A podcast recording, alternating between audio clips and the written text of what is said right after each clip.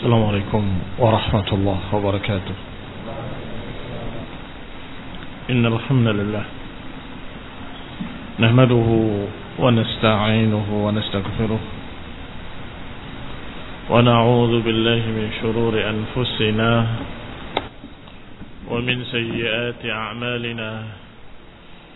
من يهده الله فلا مضل له ومن يضلل فلا هادي له وأشهد أن لا إله إلا الله وحده لا شريك له وأشهد أن محمدا عبده ورسوله صلى الله عليه وعلى آله وأصحابه والتابعين وتابع التابعين ومن تبعهم بإحسان إلى يوم الدين.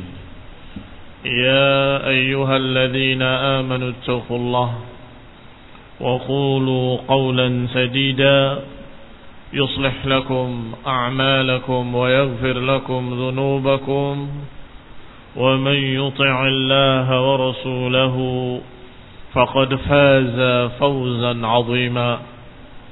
أما بعد فإن خير الحديث كتاب الله وخير الهدي هدي محمد صلى الله عليه وعلى آله وسلم وشر الأمور محدثاتها فإن كل محدثة بدعة وكل بدعة ضلالة وكل ضلالة في النار.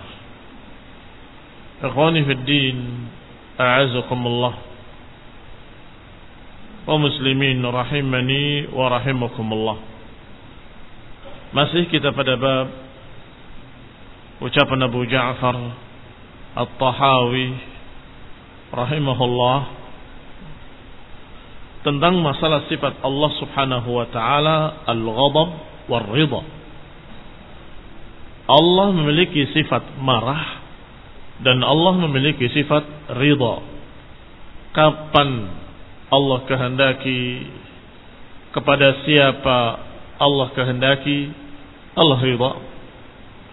Sebaliknya kapan Allah kehendaki kepada siapa Allah kehendaki Allah marah. La ka ahadin minal wara. Kata Abu Ja'far rahimahullah tetapi tidak sama dengan satu pun dari makhluk-makhluknya. Sampai kita pada syarahnya oleh Ibn Abdul Aziz Al-Hanafi rahimahullah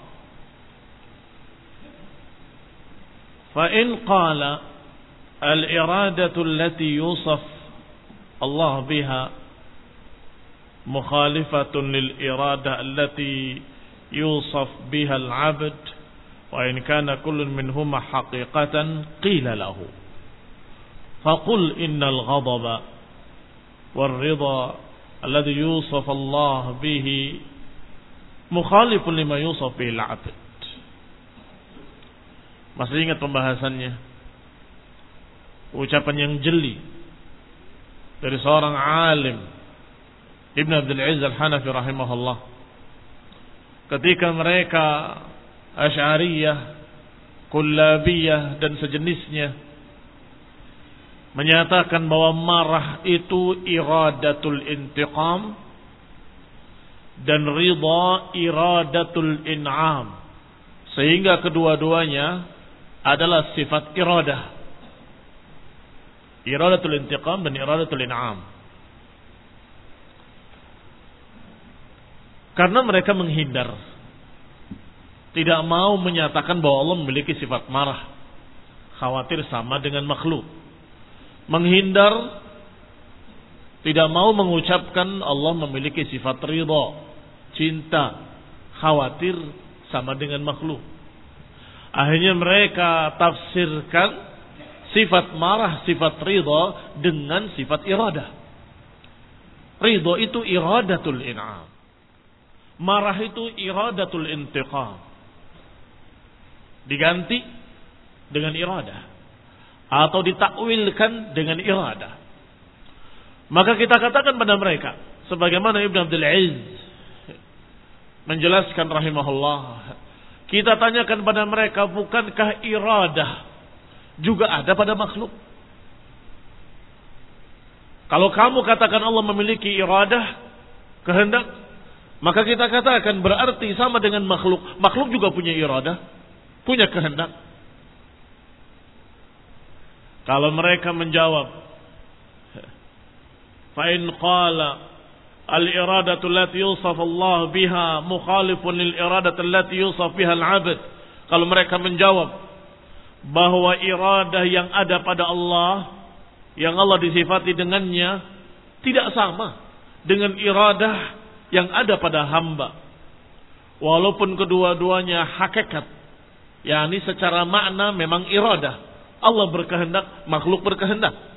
Tetapi tidak sama kehendak Allah dengan kehendak makhluk. Kalau demikian jawaban mereka. Kana ma fil iradah yumkin an yuqal fi hadhihi sifat. Kalau kalian katakan demikian pada sifat iradah, maka sesungguhnya bisa pula kalian katakan demikian pada sifat-sifat lain. Seperti sifat marah dan sifat ridha. Marahnya Allah tidak sama dengan marahnya makhluk. Ridhonya Allah tidak sama dengan ridhonya makhluk. Cintanya Allah tidak sama dengan cintanya makhluk. Selesai. Di sinilah kontradiksinya mereka. Kalau sudah cukup bisa kita katakan dengan bahasa yang sama. Bahwa sifat-sifat tersebut walaupun lafadznya sama, maknanya sama dengan ada yang apa yang ada pada makhluk, tetapi tentu akan berbeda sesuai dengan idofahnya. Sesuai dengan disandarkan ke mana sifat tersebut. Kalau disandarkan pada Allah, sesuai dengan keagungan Allah. Kalau disandarkan pada makhluk, sesuai dengan kelemahan makhluk. Pasti tidak sama. Walaupun lafat dan maknanya sama. Allah marah, makhluk marah. Allah cinta, makhluk cinta. Tetapi tidak akan sama. Karena makna yang terkandung dalam lafaz dinisbatkan, disesuaikan dengan idofahnya disandarkan ke mana? Kalau disandarkan pada Allah, sesuai dengan keagungan Allah. Kalau disandarkan pada makhluk, sesuai dengan kelemahan makhluk. Orang marah kadang lupa diri. Orang marah kadang kebablasan. Orang marah kadang merusak. Itu nggak ada pada Allah Taala. Merusak benda-benda sia-sia. Membanting gelas, banting piring, banting pintu, membunuh orang dalam keadaan tidak layak dibunuh. Ini marahnya makhluk. Allah maha suci tidak mungkin berbuat demikian. Allah tetap maha adil.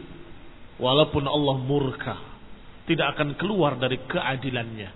Nggak akan keluar dari hikmahnya. Nggak akan keluar dari sifat hikmah dan sifat adil.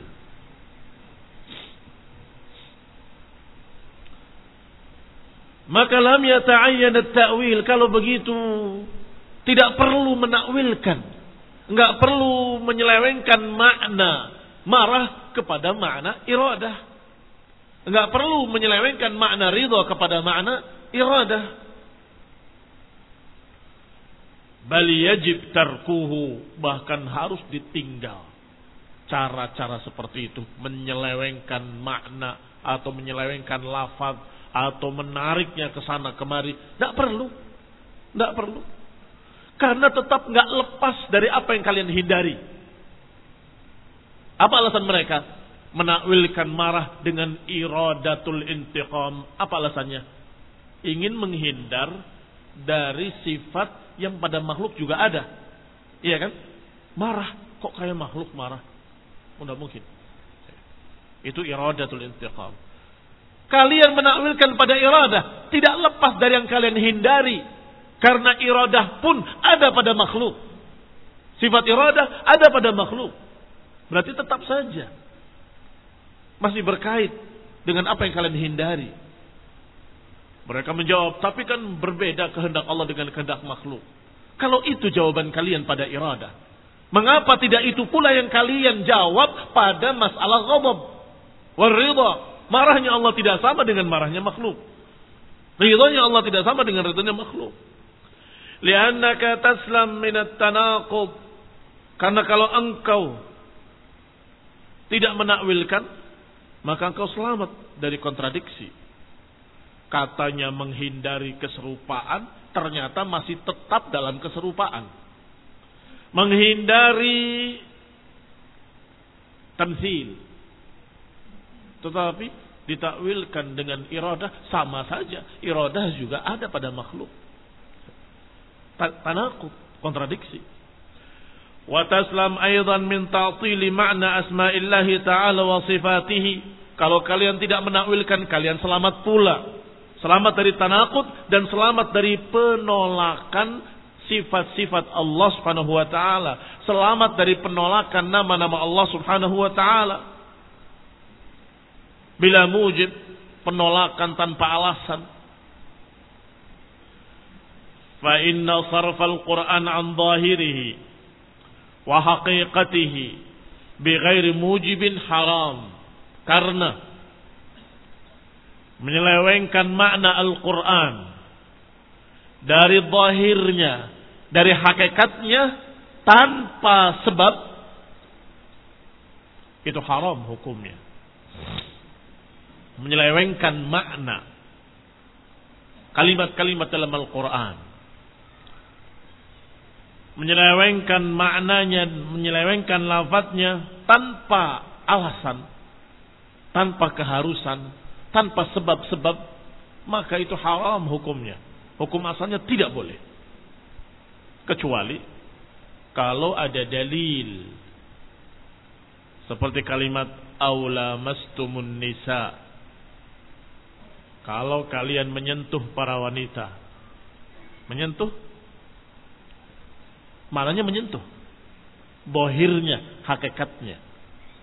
Tetapi toh sahabat yang mulia wi'a'ul ilmi turjumanul Quran Ibnu Abbas radhiyallahu taala anhuma yang didoakan oleh Rasulullah SAW Allahumma faqihu fid din wa 'allimhu ta'wil Menyatakan aula mastum maknanya au jama'tum.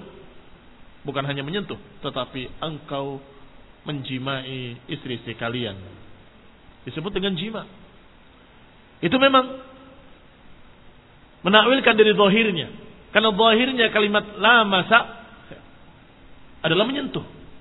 Tetapi ini bukan hanya menyentuh. Jima ziyadah ala lams. Lebih dari sekedar lams.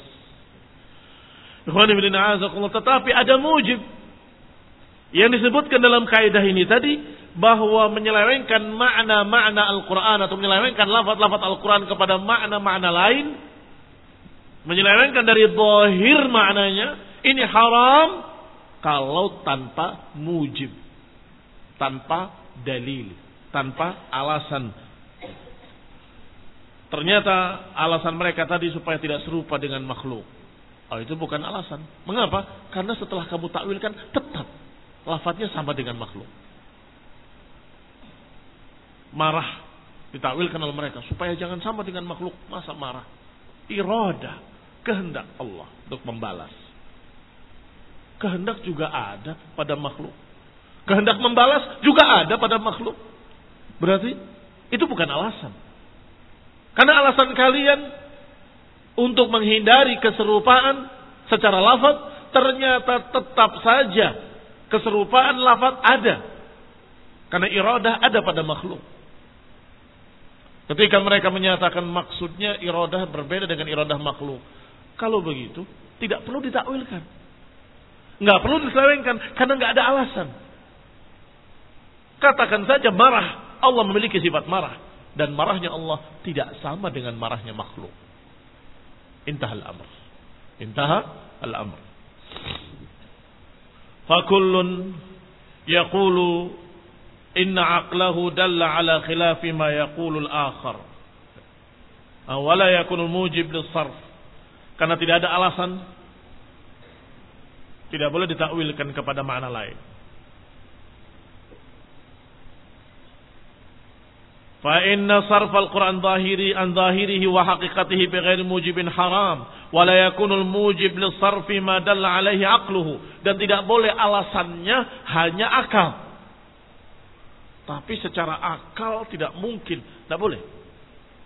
Itu bukan alasan dan itu bukan mujib yang syar'i yang membolehkan menyelewengkan makna Al-Quran hanya karena akal tidak terima tidak bisa mengapa karena kalau engkau menyatakan boleh menyelewengkan makna zahir Al-Quran hanya karena akalnya tidak mencocoki, maka masing-masing orang akan bisa berkata ini juga saya tidak cocok dengan akal saya. Yang ini juga saya nggak cocok dengan akal saya. Fakullun yaqulu inna aqlahu dalla ala khilaf. Masing-masing akan berkata bahwa akalnya tidak menerima lafaz yang ini, tidak menerima lafaz yang itu. Hancur Al-Quran. Kalau akal mereka tidak cocok dengan ayat kemudian boleh diselewengkan maknanya, apa jadinya? Setiap orang akan menafsirkan Al-Quran seenaknya sendiri. Akhirnya setiap akal manusia akan seenaknya menyelewengkan lafaz-lafaz Al-Quran. Dan ini fitnah. Kehancuran makna Al-Quran, kehancuran tafsir. Bahkan mungkin satu ayat akan ditafsirkan sepuluh tafsir. Menurut akal saya ke sini. Oh tidak bisa. Menurut akal saya ke sana. Kata yang lain tidak bisa. Menurut akal saya ke sini. Tiga, empat, lima sampai sepuluh tafsir atau seribu tafsir. Kalau masing-masing akal boleh menakwilkan. Maka itu bukan alasan sama sekali illa idza dalla dalil. Kecuali kalau ditunjukkan oleh dalil dari Quran sendiri atau dari sunnah atau dari asar-asar murid-murid Rasulullah SAW dari para sahabat. Ijma' wa hadzal kalam. Yuqalu li kulli man nafa sifatan min sifatillahi ta'ala. Ucapan ini kita katakan pada semua orang yang menolak satu sifat dari sifat-sifat Allah Subhanahu wa taala. Limtina'i musamma dzalika fil makhluq. Fa innahu la budda an yuzbit syai'an lillahi ta'ala. Ala khilafi ma ya'haduhu. Qul inna a'udzu Allah. Kalau setiap sifat yang lafadznya sama dengan makhluk kemudian ditolak, mengerikan akan sesat kafir seperti Jahmiyah. Jahmiyah menolak seluruh sifat. Hampir seluruh sifat. Atau bisa dikatakan seluruh sifat. Dengan alasan bahwa sifat-sifat itu sama. Mendengar sama dengan makhluk. Melihat sama dengan makhluk. Apalagi? Semua sama dengan makhluk. Mereka tolak semua. Bahkan sampai puncaknya. Menyatakan Allah ada saja nggak mau. Mengapa? Kalau Allah ada sama dengan makhluk. Makhluk juga ada. Wallahi lakut junna jahmun. Sungguh telah gila Jahm bin Sofwan. Ijusami ilahahu ketika menamakan atau mensifati Allah bahwa Allah tidak melihat tapi tidak buta. Allah tidak mendengar tapi tidak tuli. Sampai Allah tidak ada dan tidak tidak ada. Kefal. Majnun.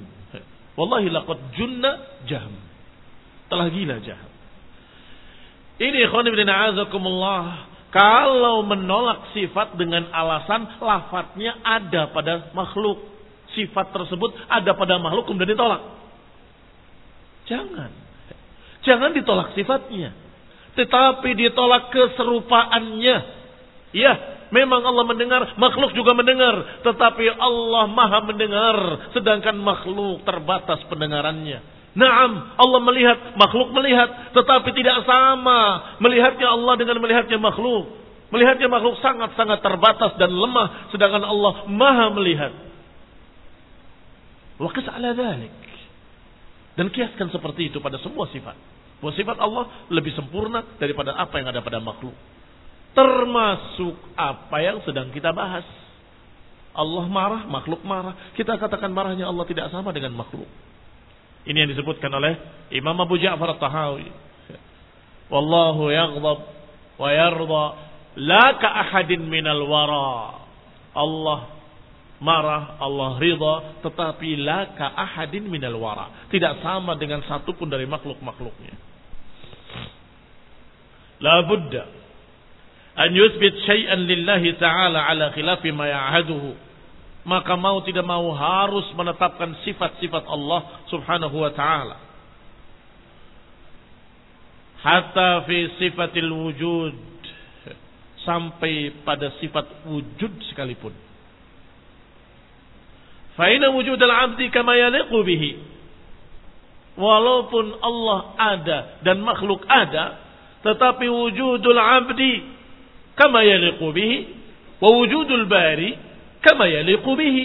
Tetapi keberadaan Allah sesuai dengannya, keberadaan makhluk sesuai dengan makhluk. Sama atau tidak sama? Hah? Sama atau tidak sama? Tidak akan sama. Keberadaan Allah kekal terus menerus abadan wa azalan. Sedangkan keberadaan makhluk sementara Sebentar kemudian sirna. Alaysa kadzalik? Maka kata Ibu Ibn Abil Izz Al-Hanafi, "Fawujuduhu ta'ala yastahil alaihi al-adam." Keberadaan Allah tidak mungkin diiringi ketidakadaan. Artinya keberadaan Allah terus-menerus tidak mungkin diiringi ketidakadaan. Wa wujudul makhluk, sedangkan keberadaan makhluk tidak mustahil untuk didatangi ketidakadaan.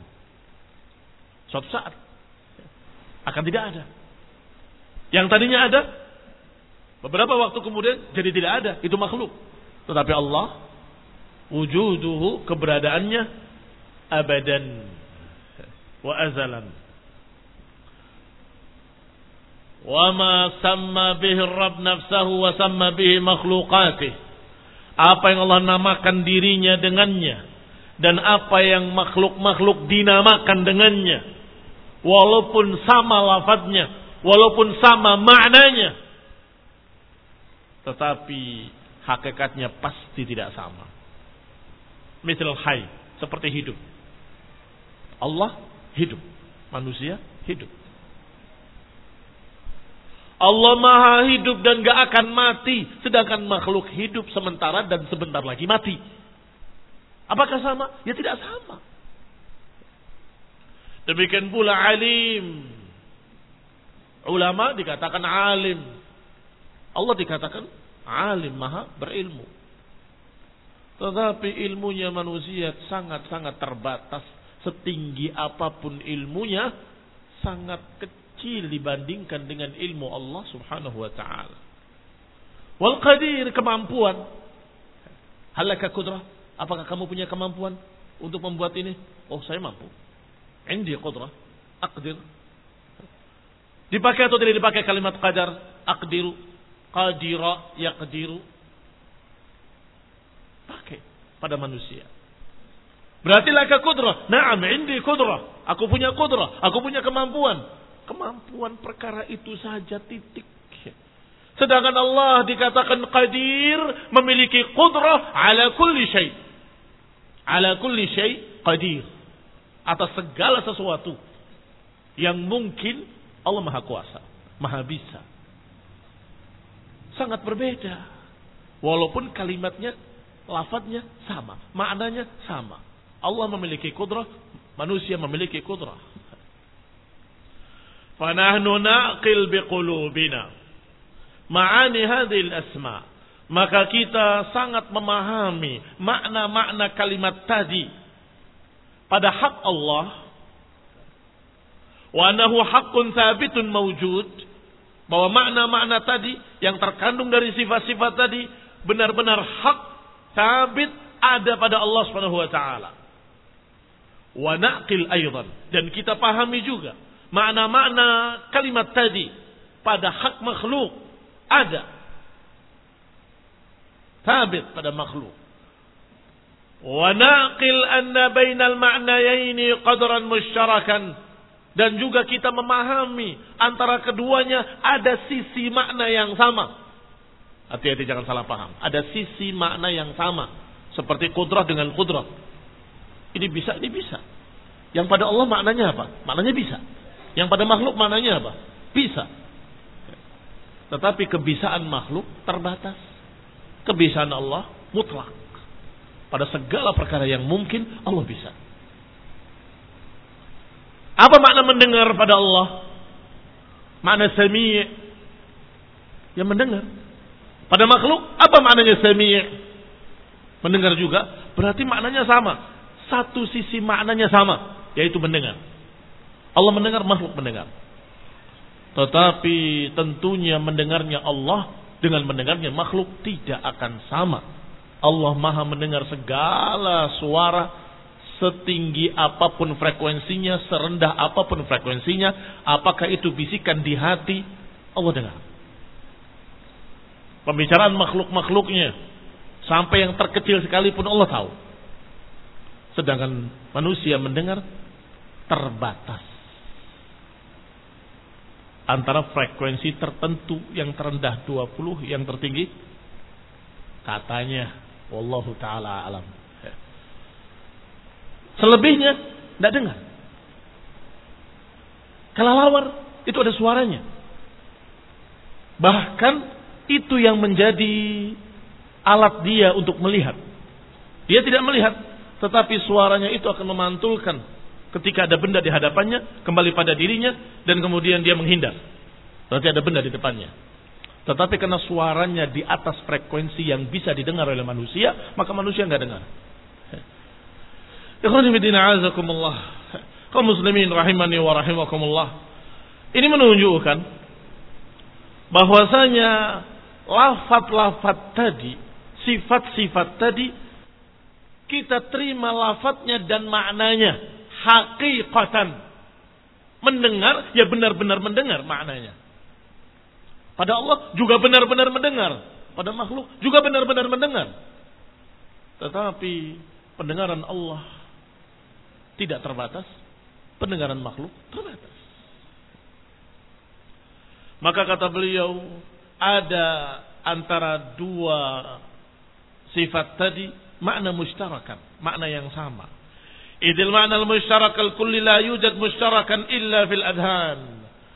Tetapi sisi makna yang sama tadi kita katakan sama hanya di benak kita. Mendengar dengan mendengar sama. Hanya di benak kita. Mendengar dengan mendengar sama. Hanya di benak kita ketika menyatakan melihat dengan melihat sama. Tetapi pada kenyataan Ketika sudah dinisbatkan pada makhluk tertentu dengan makhluk yang lain saja sudah berbeda. Apalagi kepada Allah Subhanahu wa taala dinisbatkan. Bahkan pada makhluk yang jenisnya sama. Abdullah wa Abdurrahman. Abdullah mendengar, Abdurrahman mendengar. Apakah sama? Ya mendengar sama mendengar sama. Itu di benakmu. Tapi pada kenyataannya silahkan ukur. Akan berbeda. Yang ini mendengar, yang itu belum mendengar. Hah? Apa tadi? Saya nggak dengar. Berbeda pendengarannya. Apalagi dengan makhluk lain. Lebih berbeda lagi. Maka jangan dibandingkan dengan Allah yang maha mendengar. Wahuwa sami'ul basir. Alhamdulillah. Ahlu sunnah hujahnya qat'iyah. Syar'an wa aqlan tegas, jelas, secara akal, secara dalil sangat gamblang. Walhamdulillah rabbil alamin. Qala Idil makna al-musyarak al-kulli la yujad musyarakan illa fil adhan. Bahwa makna atau dua makna kalimat yang sama atau dua makna sifat yang sama dikatakan sama hanya di benakmu tetapi di alam nyata ketika sudah disandarkan pada makhluk atau pada benda tertentu akan berbeda. La yujad fil kharij illa muayyanan mukhtassan. Tidak akan ada di alam nyata kecuali mesti khusus. Kalau si fulan mendengar, ya khusus pendengarannya si fulan yang seperti itu. Kalau dikatakan binatang ini mendengar, ya sesuai dengan kemampuan binatang tersebut. Alhamdulillah. Fayasbut fi kullin minhuma kama yaliqu bihi. Maka kemudian ditetapkan sifat tadi dengan lafaz yang sama, dengan makna yang sama, tetapi sesuai dengan yang disandarkan dengan sifat itu atau yang disandari sifat itu. Balau qila bahkan kalau dikatakan ghadiba Malik khazin an-nar kalau dikatakan malaikat Malik penjaga neraka marah Apakah akan sama dengan malaikat-malaikat yang lain? Antar malaikat saja tidak akan sama. Marahnya penjaga neraka jahanam dengan marahnya malaikat lain apakah sama? Tidak sama. Lam yajib an yakuna mumathilan. Tidak mesti akan sama. Wali kaifiyati ghadabil adamin. Demikian pula kalau dibandingkan dengan marahnya manusia dengan marahnya penjaga neraka. Sama? Tidak akan sama. Melihat wajahnya saja, tidak ada seorang pun yang tidak takut. Semuanya takut. Dengan Malik, penjaga neraka. Lianna malaikah laisu minal akhlaqil arba'ah. Karena malaikat bukan termasuk jenis campuran empat perkara. Ini istilah mereka tentang manusia. Manusia itu akhlakul arba'ah. Ada jasad, ada ruh. Di dalam jasadnya ada darah, ada cairan, ada uh, materi. Mereka katakan al-akhlakul arba'ah. Campuran empat zat. Itu manusia. Malaikat berbeda. Tidak sama. Diciptakan dari cahaya. Maka ketika marah, ya jelas berbeda. Kalau kalian gambarkan marahnya manusia, darahnya mendidih. Malaikat, mau dikatakan darahnya mendidih? Wallahu alam, apa ada darahnya? Malaikat tidak terdiri dari darah dan daging. Berbeda. Jantungnya berdegup keras. Apakah sama? Malaikat? Apa malaikat punya jantung? Nggak akan sama barakallahu fikum. Baru dibandingkan dengan malaikat-malaikat saja. Hatta tagli dima'u qulubihim hingga mendidih darah yang ada di jantung-jantung mereka sebagaimana mendidihnya darahnya hati manusia ketika marah inda ghadabihi tidak akan sama Faghadabullah aula.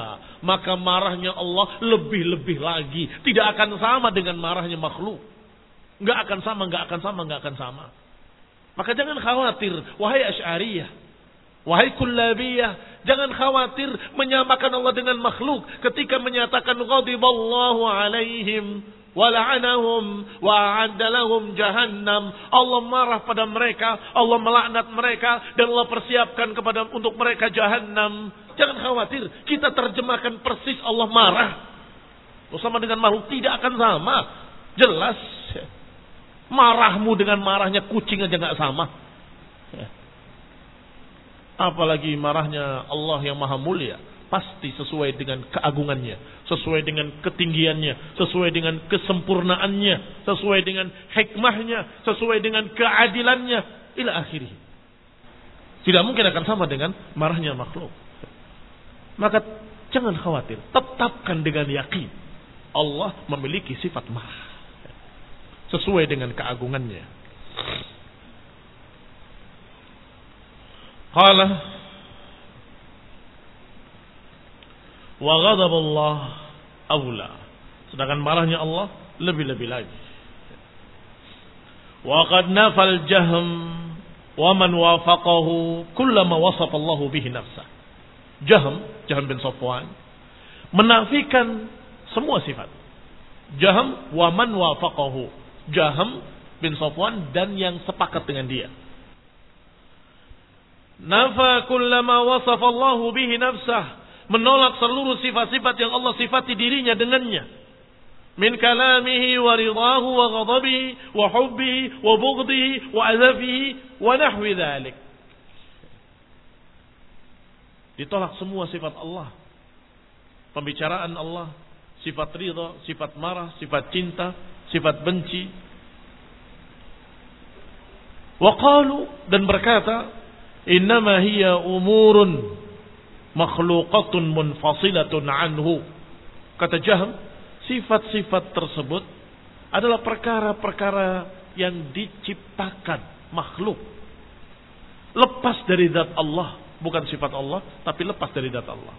Laisa huwa fi nafsiha muttasifan bi syai'in min dhalik. Allah tidak disifati sedikit pun dengan sifat-sifat ini, katanya. Wa 'arada haula'i min as-sifatiyah Ibn Kullab wa man wafaqahu. Dan mereka ini ditentang, diselisihi oleh kelompok sifatiyah dengan ekstrim pula. Yaitu Kullab wa man wafaqahu Al-Kullabiyah. Mereka berkata, La yusafu Allahu bi syai'in yata'allaq bi masyiatihi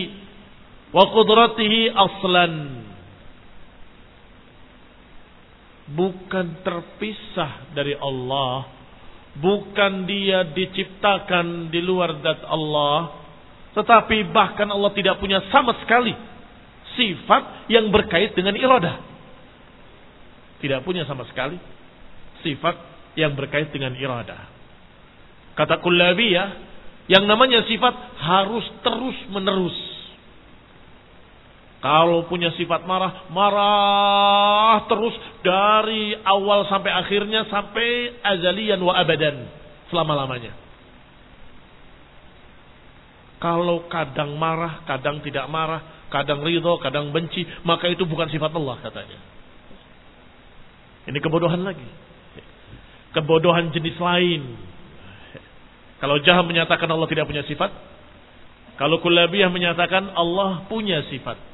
Tetapi kalau sifat itu pada waktu tertentu tidak ada pada waktu lain, maka itu bukan sifat Allah.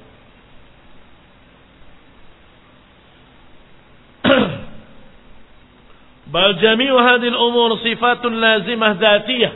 Bahkan semua perkara tadi adalah sifat yang terus-menerus zatiyah tidak bisa lepas. Qadimatan azalian. Azalian tidak berawal dari dulu-dulunya. Abadan tidak berakhir terus-menerus.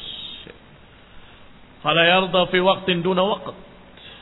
Maka Allah tidak ridha pada waktu tertentu kemudian benci pada waktu yang lain. Allah tidak marah pada waktu tertentu dan benci pada waktu yang lain. Lihat, satu ekstrim kanan, satu ekstrim kiri. Jaham bin Sofwan menolak sifat-sifat tersebut. Sedangkan Kullabiyah menyatakan imma wa imma. Kalau memang itu sifat, berarti terus menerus. Terus menerus Allah marah. Terus menerus Allah ridho. Tidak bisa berubah-ubah. Atau kalau tidak, tidak ada sama sekali. Ini barakallahu fikum aliran kullabiyah tentunya bertentangan dengan hadis-hadis seperti hadis syafaat. Inna rabbi qad ghadiba al-yawma ghadban lam yaghdab qablahu mithlahu wa lan yaghdab ba'dahu mithlahu. Perhatikan hadis muttafaq alaih Bukhari dan Muslim, di dalamnya ada lafaz. Allah telah murka hari ini dengan kemurkaan yang tidak pernah murka seperti itu sebelumnya dan gak akan murka seperti itu setelahnya. Bagaimana? Azalian, abadan atau berkait dengan iradah? Jelas berkait dengan iradah. Kalau Allah kehendaki Allah marah, kalau Allah kehendaki Allah tidak marah. Marahnya juga pada puncaknya Allah kehendaki ketika itu, ketika hari kiamat. Qad ghadiba al-yawma ghadban lam yaghdab qablahu mithlahu wa lan yaghdab ba'dahu mithlahu. Allah murka dengan kemurkaan yang tidak pernah murka seperti itu sebelumnya dan tidak akan pernah pula marah seperti itu setelahnya.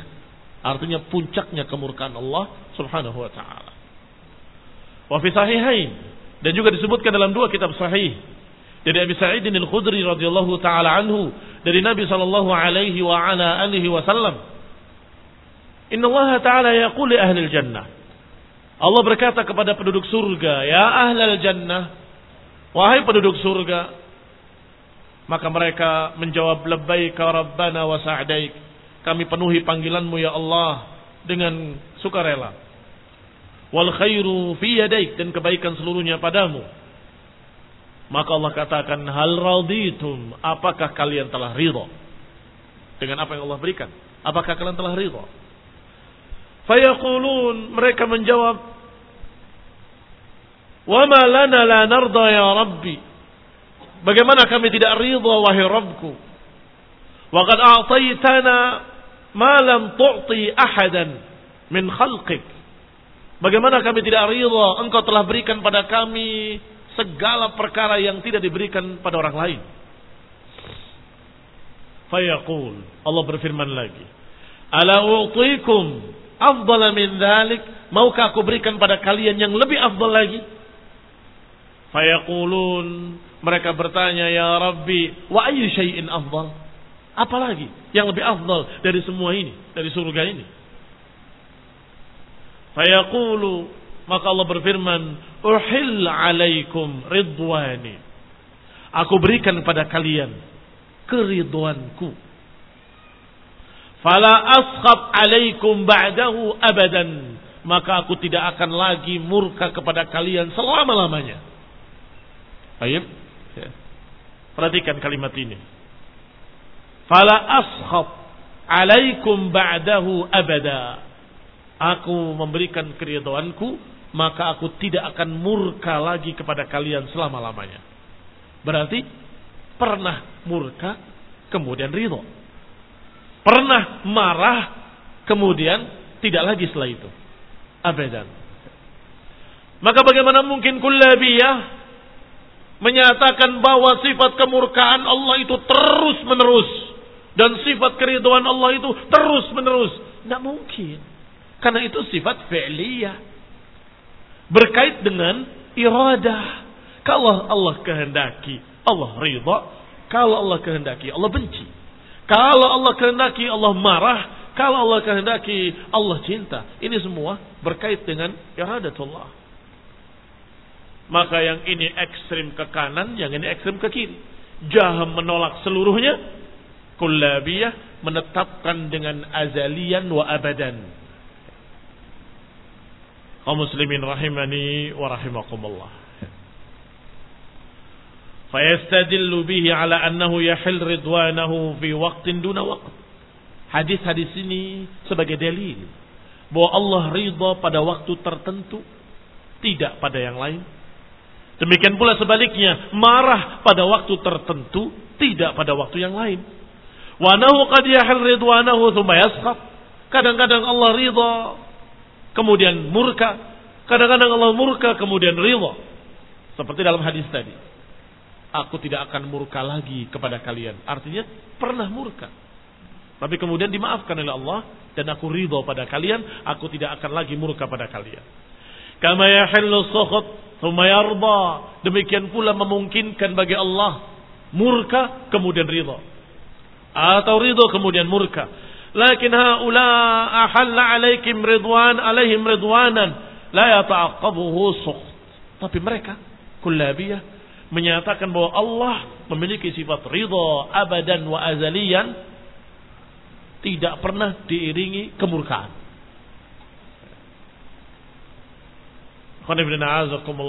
Qalu la yatakallam idha sya'a. Sama juga dengan sifat kalam. Ahli sunnah menyatakan bahwa Allah selalu memiliki sifat kalam kalau Allah mau. Kalau Allah kehendaki. Tapi mereka Kullabiyah Allah berbicara abadan. Aneh. Tidak bisa dipaham. Terus menerus katanya. Zatian.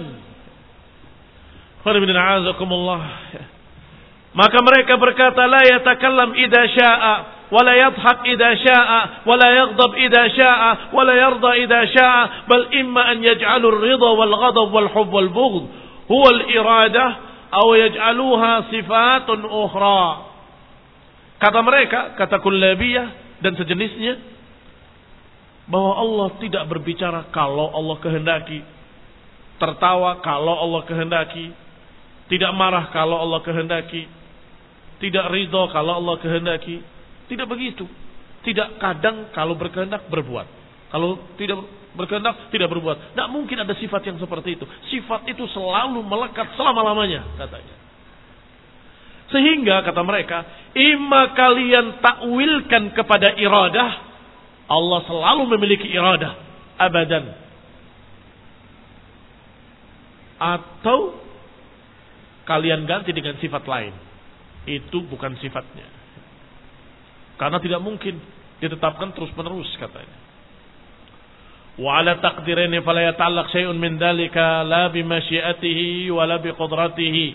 Idh law ta'allaqa bi dhalika lakana mahalla lil hawadith. Pertanyaannya, apa sih yang menyebabkan mereka sampai sebodoh itu atau memaksakan diri harus mengatakan sifat Allah harus terus-menerus. Karena mereka punya kaidah, bikin sendiri kaidahnya dengan akal mereka bahwa Allah itu tidak ada padanya sesuatu yang hadis. Tidak ada sesuatu yang baru, tidak ada. Semuanya qadim, istilah mereka. Semuanya qadim. Sifatuhu qadimah, asma'uhu qadimah, Semuanya qadimah, qadimah, qadimah. Tidak ada pada Allah al-hawadith. Perkara-perkara baru. Sehingga kalau tadinya tidak berbicara kemudian Allah berbicara, itu hadis kata. Atau tadinya tidak marah kemudian marah, itu juga hadis. Tidak mungkin pada Allah ada sesuatu yang hadis. Sehingga mereka katakan dengan segala macam takwil-takwil menyusahkan diri, menyelewengkan ke sana kemari untuk membuktikan kaidah mereka benar. Bahwa Allah tidak ada sesuatu yang baru padanya.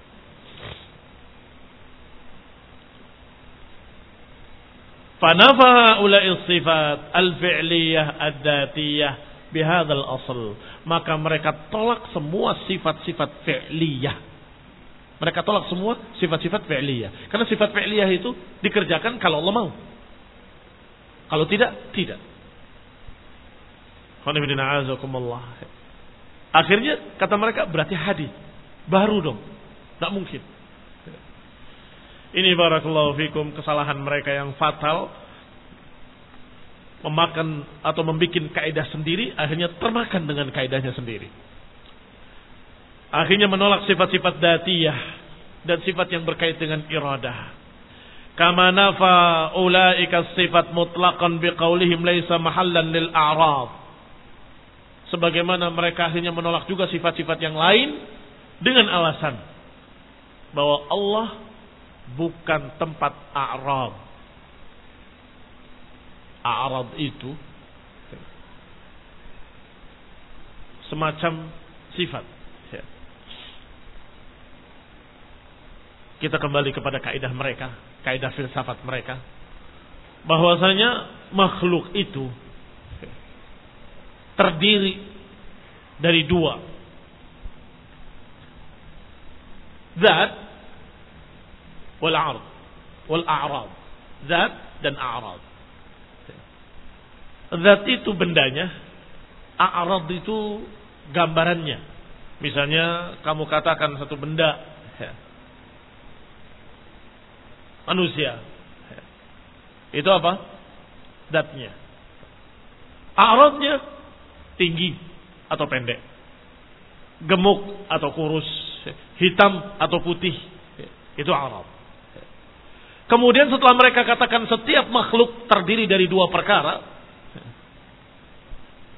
Kemudian mereka berkata Allah tidak sama dengan makhluk. Maka Allah tidak ada padanya Arab. Mereka sendiri yang bikin kaidah mereka sendiri yang bingung. Tidak ada a'rad. Loh sifat ini kan a'rad juga. sifatnya Allah Subhanahu taala maha besar, maha tinggi. Mereka tolak. Karena itu a'rab katanya. Wallahu laisa mahallan lil a'rab. Allah bukan tempat untuk memberikan a'rab katanya. Wa qad yuqal bal hiya af'alun. Wala tusamma hawadith. Dan sesungguhnya bisa dikatakan bahwa sifat-sifat fi'liyah tadi bukan sifat tetapi perbuatan. Bahwa Allah melakukan apa yang dikehendakinya. Kalau perbuatan la tusammal hawadith tidak dinamakan hawadith. Tidak dinamakan perkara baru. Kapan Allah mau? Allah berbuat. Kama sumiyat tilka sebagaimana dinamakan sifat-sifat tadi yang mereka istilahkan itu hawadis bukan bukan hawadis atau qadim ini perbuatan kalau perbuatan Allah kapan Allah mau Allah kerjakan kapan Allah mau marah Allah marah kapan Allah mau ridha Allah ridha kapan Allah mau berbicara Allah berbicara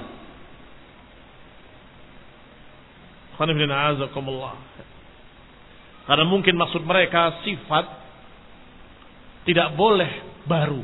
Harus sejak dulu-dulunya. Kalau sifatnya seperti itu, ya seperti itu terus.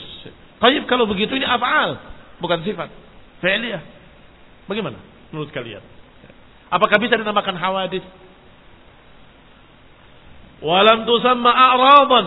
Dan tidak bisa pula dinamakan a'rad. Perbuatan kok. Bukan a'rad. Waqad taqaddamat al-isyarah ila hadzal ma'na dan sudah lewat isyarat kepada makna-makna ini. Walakin Syekh rahimahullah lam yajtami' al-kalam fi sifat fil mukhtasar fi makanin wahid. Tetapi Syekh Abu Ja'far Tahawi tidak mengkhususkan perkara ini pada satu tempat saja, tetapi dalam beberapa tempat beliau ingatkan lagi, beliau ingatkan lagi, beliau ingatkan lagi tentang masalah asma dan sifat. Wa ahsan ma alaihi kitab usuluddin bitartibi jawabin Nabi sallallahu alaihi wa ala alihi wasallam. Wa yang paling bagus dalam menyusun prinsip-prinsip agama adalah disusun berdasarkan jawaban Nabi. Ketika Nabi ditanya oleh Jibril yang datang sebagai sesosok manusia, Bertanya mal iman, mal islam ila akhirih. Nabi menjawab, antuk minabillahi wa malaikatihi wa kutubihi wa rusulihi wal yaumil akhir wal qadari khairihi wa syarrih. Lihat urut-urutannya. Kata Nabi, namanya iman, beriman pada Allah, malaikat-malaikatnya, kitab-kitabnya, rasul-rasulnya, hari akhir dan takdir baik dan buruknya. Maka kata beliau, kata Ibn Abdul Aziz Al-Hanafi rahimahullah yang paling bagus menyusun kitab sesuai dengan urut-urutan ini. Bab pertama masalah tauhid tentang Allah taala dengan nama-namanya dan sifat-sifatnya. Setelah itu dibahas tentang malaikat. Setelah itu dibahas tentang para rasul. Setelah itu dibahas ila akhir. Fabada bil kalami ala tauhid. Maka yang terbaik dalam menulis dan menyusun kitab tentang akidah dimulai yang pertama dengan tauhid dan sifat-sifat Allah SWT. Wa ma yata'allaq bidzalik dan apa yang berkait dengannya. Baru tummal kalam alal malaikah, baru berbicara tentang malaikat, baru berbicara tentang yang berikutnya, yang berikutnya, yang berikutnya. Tumma wa tumma wa tumma ila akhirih. Ini tidak berkait dengan pembahasan awal, sekedar faedah saja. Kata beliau sebaiknya menyusun seperti beliau. Mengawali pembahasannya dengan masalah tauhid, uluhiyah, rububiyah, asma dan sifat. Baru setelah itu membicarakan tentang yang lain. وبالله التوفيق. وصلى الله محمد وعلى آله وأصحابه وسلم تسليما كثيرا. سبحانك اللهم وبحمدك أشهد أن لا إله إلا أنت أستغفرك وأتوب إليك والسلام عليكم ورحمة الله وبركاته.